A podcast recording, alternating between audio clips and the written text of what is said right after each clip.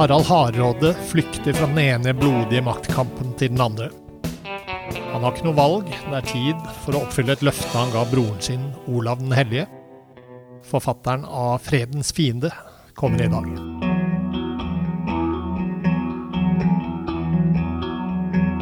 Og hvordan henger historiefortelling og forebygging av barn og unge sammen? Vi får besøk av en forteller i sendingen, og får et brutalt eventyr med på kjøpet.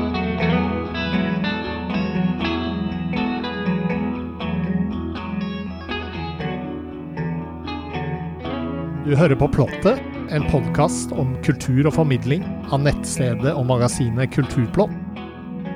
Mitt navn er Bård Andersson.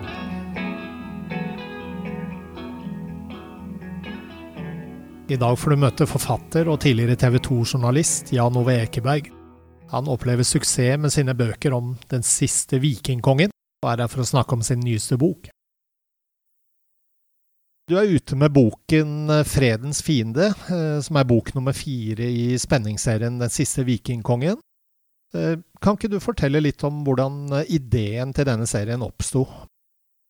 Jeg leste ganske mange sagaer i forbindelse med at jeg skrev en tilsvarende romanserie som heter 'I sverdets tid'.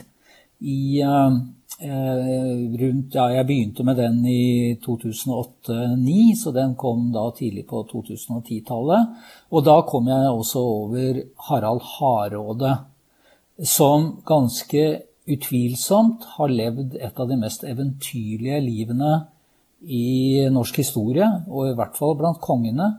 Han eh, besøkte alle kjente land i tiden. Han var i Midtøsten, Afrika, han tjente som leiesoldat hos keiseren i Bysants. Han reiste gjennom Russland. Og han var altså konge i Norge i 20 år, og gjorde også et forsøk på å erobre England etter hvert. Slik at det var jo hans historie som eh, fascinerte meg, og som jeg tenkte jeg kunne lage gode underholdningsromaner av. Eh, og det har jeg da også holdt på med nå en stund. Uh, uten å røpe for mye, hvilke utfordringer står Harald overfor i fredens fiende?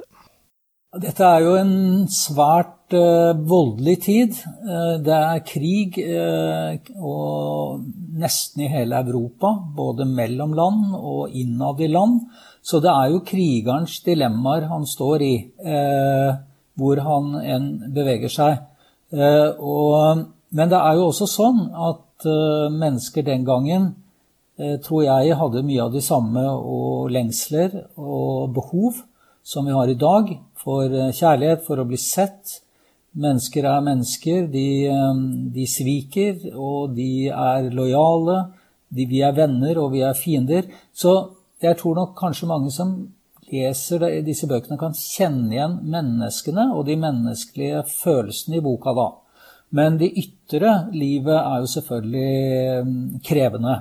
Det å være leiesoldat i Bysants eh, på 1000-tallet, det betød at du stort sett gikk rundt eh, med en øks og et spyd, og at du deltok i en lang rekke kriger, pluss at du da til enhver tid måtte vokte keiseren for endeløse palassrevolusjoner og, og den type si, politisk spill òg, da.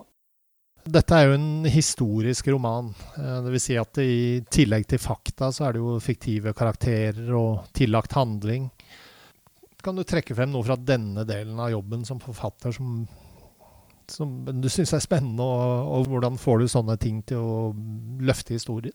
Ja, altså Som jeg har vært inne på, så, så er det eh, selvfølgelig viktig å gjøre veldig grundig research i, eh, både i, av, av den politiske historien, Altså hva var det som faktisk skjedde i disse årene, hvor på mange måter Norge blir eh, en nasjon, et rike, kan du si, under konger som eh, ja, Fra Harald Hårfagre til Harald Hardråde kan vi si at Norge formes som eh, nasjon og forberedes på det som senere skjer i middelalderen. Da. Men eh, når det gjelder forholdet mellom historikk og eh, diktning, så er jo dette her først og fremst eh, underholdningsromaner. Eh, jeg skriver jo for å underholde eh, leseren, og jeg prøver å gjøre dette stoffet spennende. Og jeg bruker jo da, kan du si, historien som en, en slags grunnmur for det byggverket jeg prøver å reise. Da. Det ligger i bunnen. Og jeg har jo brukt gått inn i alle kjente kilder til Harald Hardrådes liv. Eh, og dessuten ganske mye annet materiale òg, som arkeologi og forskjellige sånne ting. Eh, og så prøver jeg på en måte å gjøre menneskene, den tidens mennesker, levende i det miljøet. Det sies jo av og til at historiske romaner er, er uh, skjønnlitteraturens tungvektsklasse, fordi du må på én og samme tid gjøre menneskene levende, og den fortiden som du skriver om, eh, troverdig for leseren. Og det er på en måte det jeg prøver å få til. Vi kjenner jo deg som tidligere nyhetsanker i, i TV 2. Eh, kan du si noe om hvordan overgangen fra journalist til forfatter har vært? Ja, jeg har jo stått med én fot i begge leire siden midten av 90-tallet, da jeg begynte å skrive bøker. Da. Det var jo dokumentarbøker jeg begynte med. Så overgangen var nok kanskje enklere enn jeg trodde, men det er altså to forskjellige roller, da. Og det er også litt forskjellig hverdag, fordi i en redaksjon så står du jo midt iblant en masse mennesker. Stort sett folk som var yngre enn meg selv. og så plutselig så skal jeg sitte alene store deler av året og skrive. Så det er klart det var en overgang. men jeg var veldig bestemt på det, og dette skjedde jo i 2016, og jeg har ikke angra noe på det. Jeg hadde jo da jobba med 37 år i journalistikken og 10 år som anker på nyhetskanalen med dette programmet mitt om økonomi, så jeg følte at jeg hadde gjort det jeg ville gjøre innen journalistikk og på TV. Hvordan ser en typisk arbeidsdag ut for deg i dag? Du, jeg er veldig veldig heldig, for jeg har et kontor borte i gamlebyen i eh, Fredrikstad. Og jeg bor på den, rett på den andre siden av elva, så jeg tar faktisk båt på jobben. Så jeg går over eh, ned til båten og tar båten over elva og til kontoret, og det tar meg ja, maks 15 minutter. Eh, der har jeg alt av bøker og alt jeg trenger. Samla masse papirer. Det ser ikke ut i måneskinnet der fra tid til annen. Så jeg må gjøre litt sånn opprydningsaksjoner innimellom. Men eh, det er på en måte der jeg får roen til å skrive, da. Og så kan jeg gjøre en masse andre ting ellers, både her eh, hjemme i leiligheten min, eller på reise, eller hos andre personer, eller osv. Og så, videre. så jeg er på en måte ikke helt låst til kontoret, men, men eh, jeg føler at tingene fungerer aller best der borte, da. Har du bestemt deg for mange bind det blir i denne serien? Ja da, det blir, eh, det blir, fem. Eh, de fire første er jo kommet. Som du var inne på, så kom bok nummer fire, som heter eh, Altså bok nummer én heter jo 'Krigens læregutt'. Den kom i 2016, og så kom bok nummer to, som heter 'Djevelens rytter', i 2018. I 2019 så kom 'Keiserens leiesoldat', og i år så kommer altså 'Fredens fiende', som er bok nummer fire, da, som handler om hvordan Harald kommer tilbake igjen til Norge, og hvordan han eh, blir eh, norsk eh, konge. Så har jeg allerede begynt på bok nummer fem, som antageligvis vil hete 'Dødens hærfører', og som handler om Haralds forsøk på å erobre England. Og det blir altså den Vi vet jo, og det er jo en utfordring, at Harald dør på Stamford Bridge 25.9. i 1066. Og når han faller, så er vikingtiden over. Så jeg må jo finne på noe da, som gjør dette spennende, når alle vet at hovedpersonen dør. Og til og med datoen for dødsfallet. Så det jeg jobber med, har begynt å, å plotte nå, da. Og lage en skisse for boka, og for personene som skal befolke denne boka.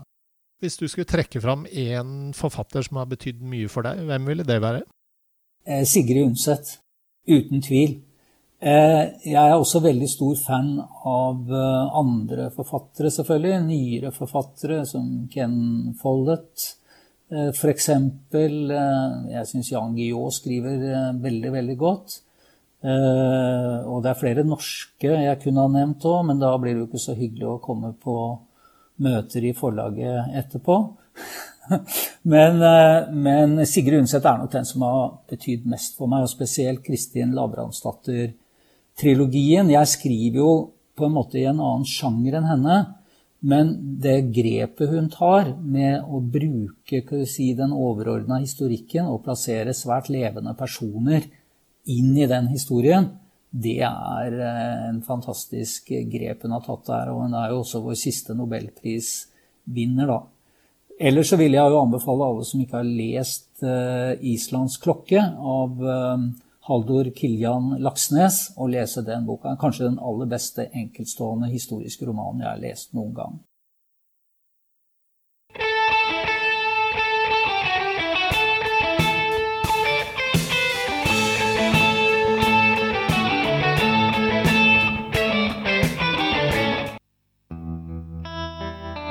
Neste gjest er teaterpedagog og skuespiller.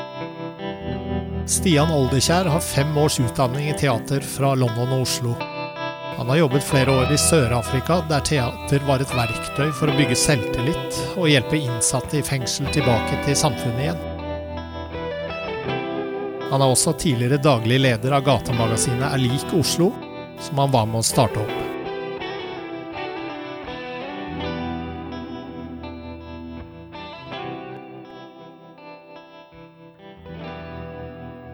Du er skuespiller og teaterpedagog og jobber med forebygging av barn og unge.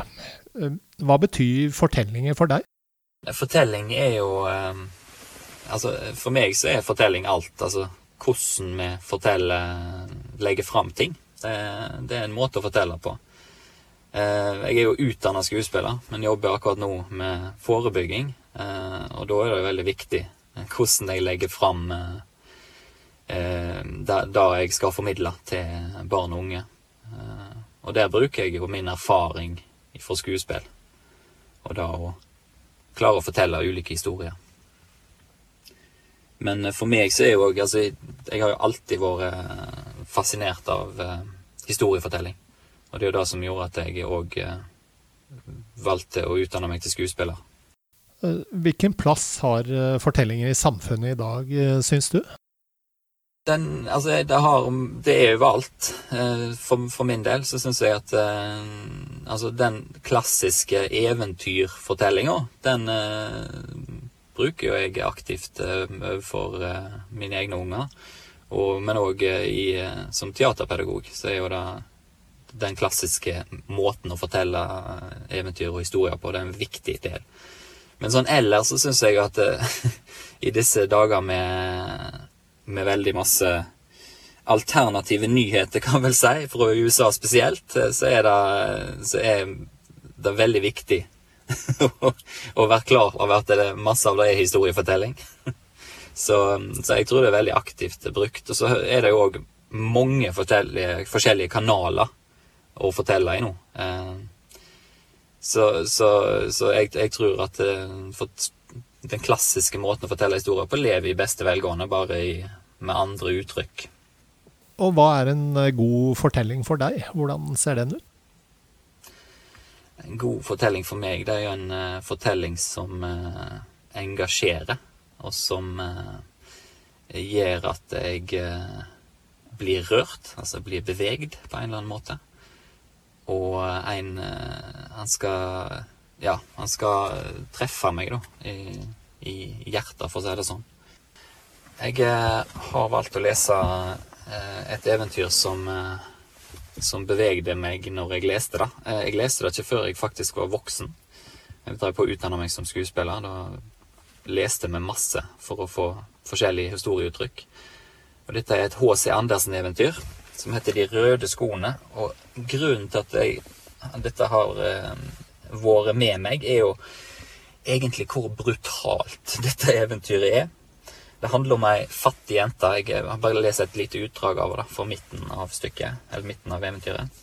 Det handler om ei fattig jente som eh, mister mor si.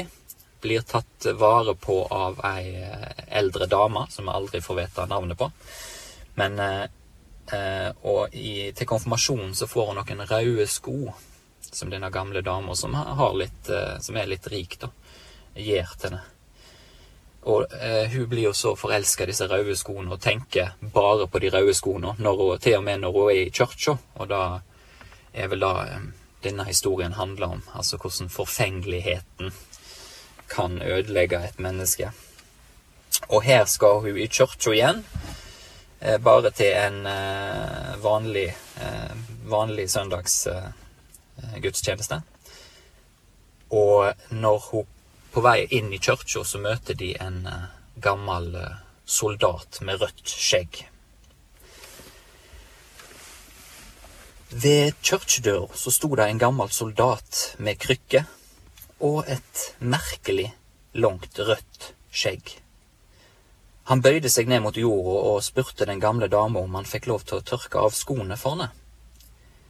Karen strakte òg fram den vesle foten sin. Sjå for noen nydelige dansesko, sa soldaten. Sitt fast når dere danser! Og så klaska han til skoen med hånda på sålen. Og den gamle dama gav soldaten en liten drikkeskilling, og så gikk hun og Karen inn i kirka. Og alle menneskene i kirka så på de røde skoene til Karen.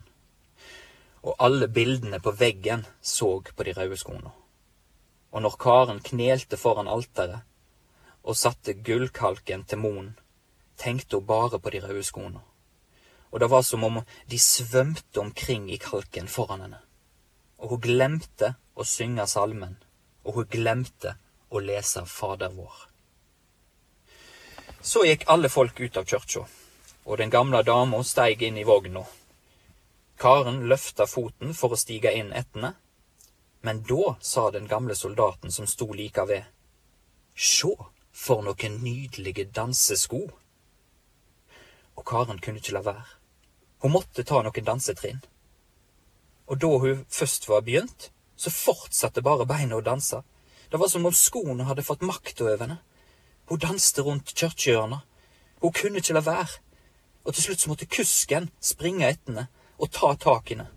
Løfte henne inn i vågen òg men føttene de fortsatte å danse. Sånn at hun, hun sparka til den snille, gamle dama noe aldeles forferdelig. Omsider så fikk de skoene av henne, og beina falt til ro. Når de kom hjem, så ble skoene satt opp i et skap, men Karen kunne ikke la være å se på de. Så blei den gamle dama liggende sjuk, og de sa at hun kunne ikke leve lenger. Hun måtte bli stelt med og passa på, og det var ingen nærmere, eh, nærmere enn Karen til å gjøre nettopp det. Men ute i byen så var det stor, et stort ball, og Karen hadde blitt invitert. Hun så på den gamle dama som snart ikke kom til å leve lenger, og hun så på de røde skoene. Og hun tenkte at det er jo ikke ei synd å ta de på seg. Og så tok hun på seg de røde skoene. For da kunne hun jo alltid. Men så gikk hun på ball. Og så begynte hun å danse. Men da hun ville til høyre, så dansa skoene til venstre. Og da hun ville oppover dansegulvet, så dansa skoene nedover gulvet og nedover trappa bortover gata og ut av byporten. Dansa gjorde hun, og dansa måtte hun, heilt ut i den mørke skogen. Da så hun plutselig at det lyste opp mellom trærne. Hun trodde det var månen, for hun så et ansikt. Men så var det den gamle soldaten med det røde skjegget, og han satt og nikka og sa, Sjå, for noen nydelige dansesko. Da blei hun livende redd og de, ville kaste de røde skoene. Men de hang fast, og hun flådde av seg strømpene, men, men skoene var vokst fast i føttene. Og dansa gjorde hun, og dansa måtte hun over mark og eng, i regn og sol, både natt og dag. Men om natta så var det verst. Hun dansa inn på en åpen kirkegård. Men de døde, de dansa ikke. De hadde noe meget bedre å foreta seg enn å danse. men hun ville bare slappe av, legge seg ned. Men for henne så fantes det verken ro eller hvile. Og da hun danste bortover mot den åpne kirkedøra, sto det en engel der, i lange, hvite klær, og med vinger som nådde fra skuldrene og heilt ned til bakken. Ansiktet hans var strengt og alvorlig, og i hånda så holdt han et bredt, skinnende sverd. Dansa skal du, sa han. Dansa på de røde skoene dine til du blir bleik og kald, til huden din skrumper sammen som på et skjelett. Dansa skal du fra dør til dør, og der hvor det bor hovmodige, forfengelige barn, der skal du banke på så de kan høre deg og bli redde for deg. Dansa skal du, dansa! Nåde! ropte karen. Men hun hørte ikke hva engelen svarte, for skoen og barnet gjennom grinda og ut på marka, over vei og sti, og alltid så måtte hun danse. Ei morgenstund så dansa hun forbi ei dør som hun kjente godt. Innenfor så hørte hun salmesang, og de bar ut ei kiste som var pynta med blomster. Da visste hun at den gamle dama var død og nå syntes hun at hun var forlatt av alle og forbanna av Guds engel. Dansa gjorde hun, og dansa måtte hun. Dansa i nattemørket. Skoene bar henne av stad over stubber og kratt, og hun reiv seg til blods. Hun dansa over heia, bort til et ensomt lite hus. Her visste hun at Bøddel bodde og hun banka med fingrene på ruta og sa Kom ut, kom ut, jeg kan ikke komme inn, for jeg, for jeg danser. Og bøddelen sa Du vet nok ikke hvem jeg er. Jeg hogger hodet av onde mennesker, og nå merker jeg at det dirrer i øksa mi.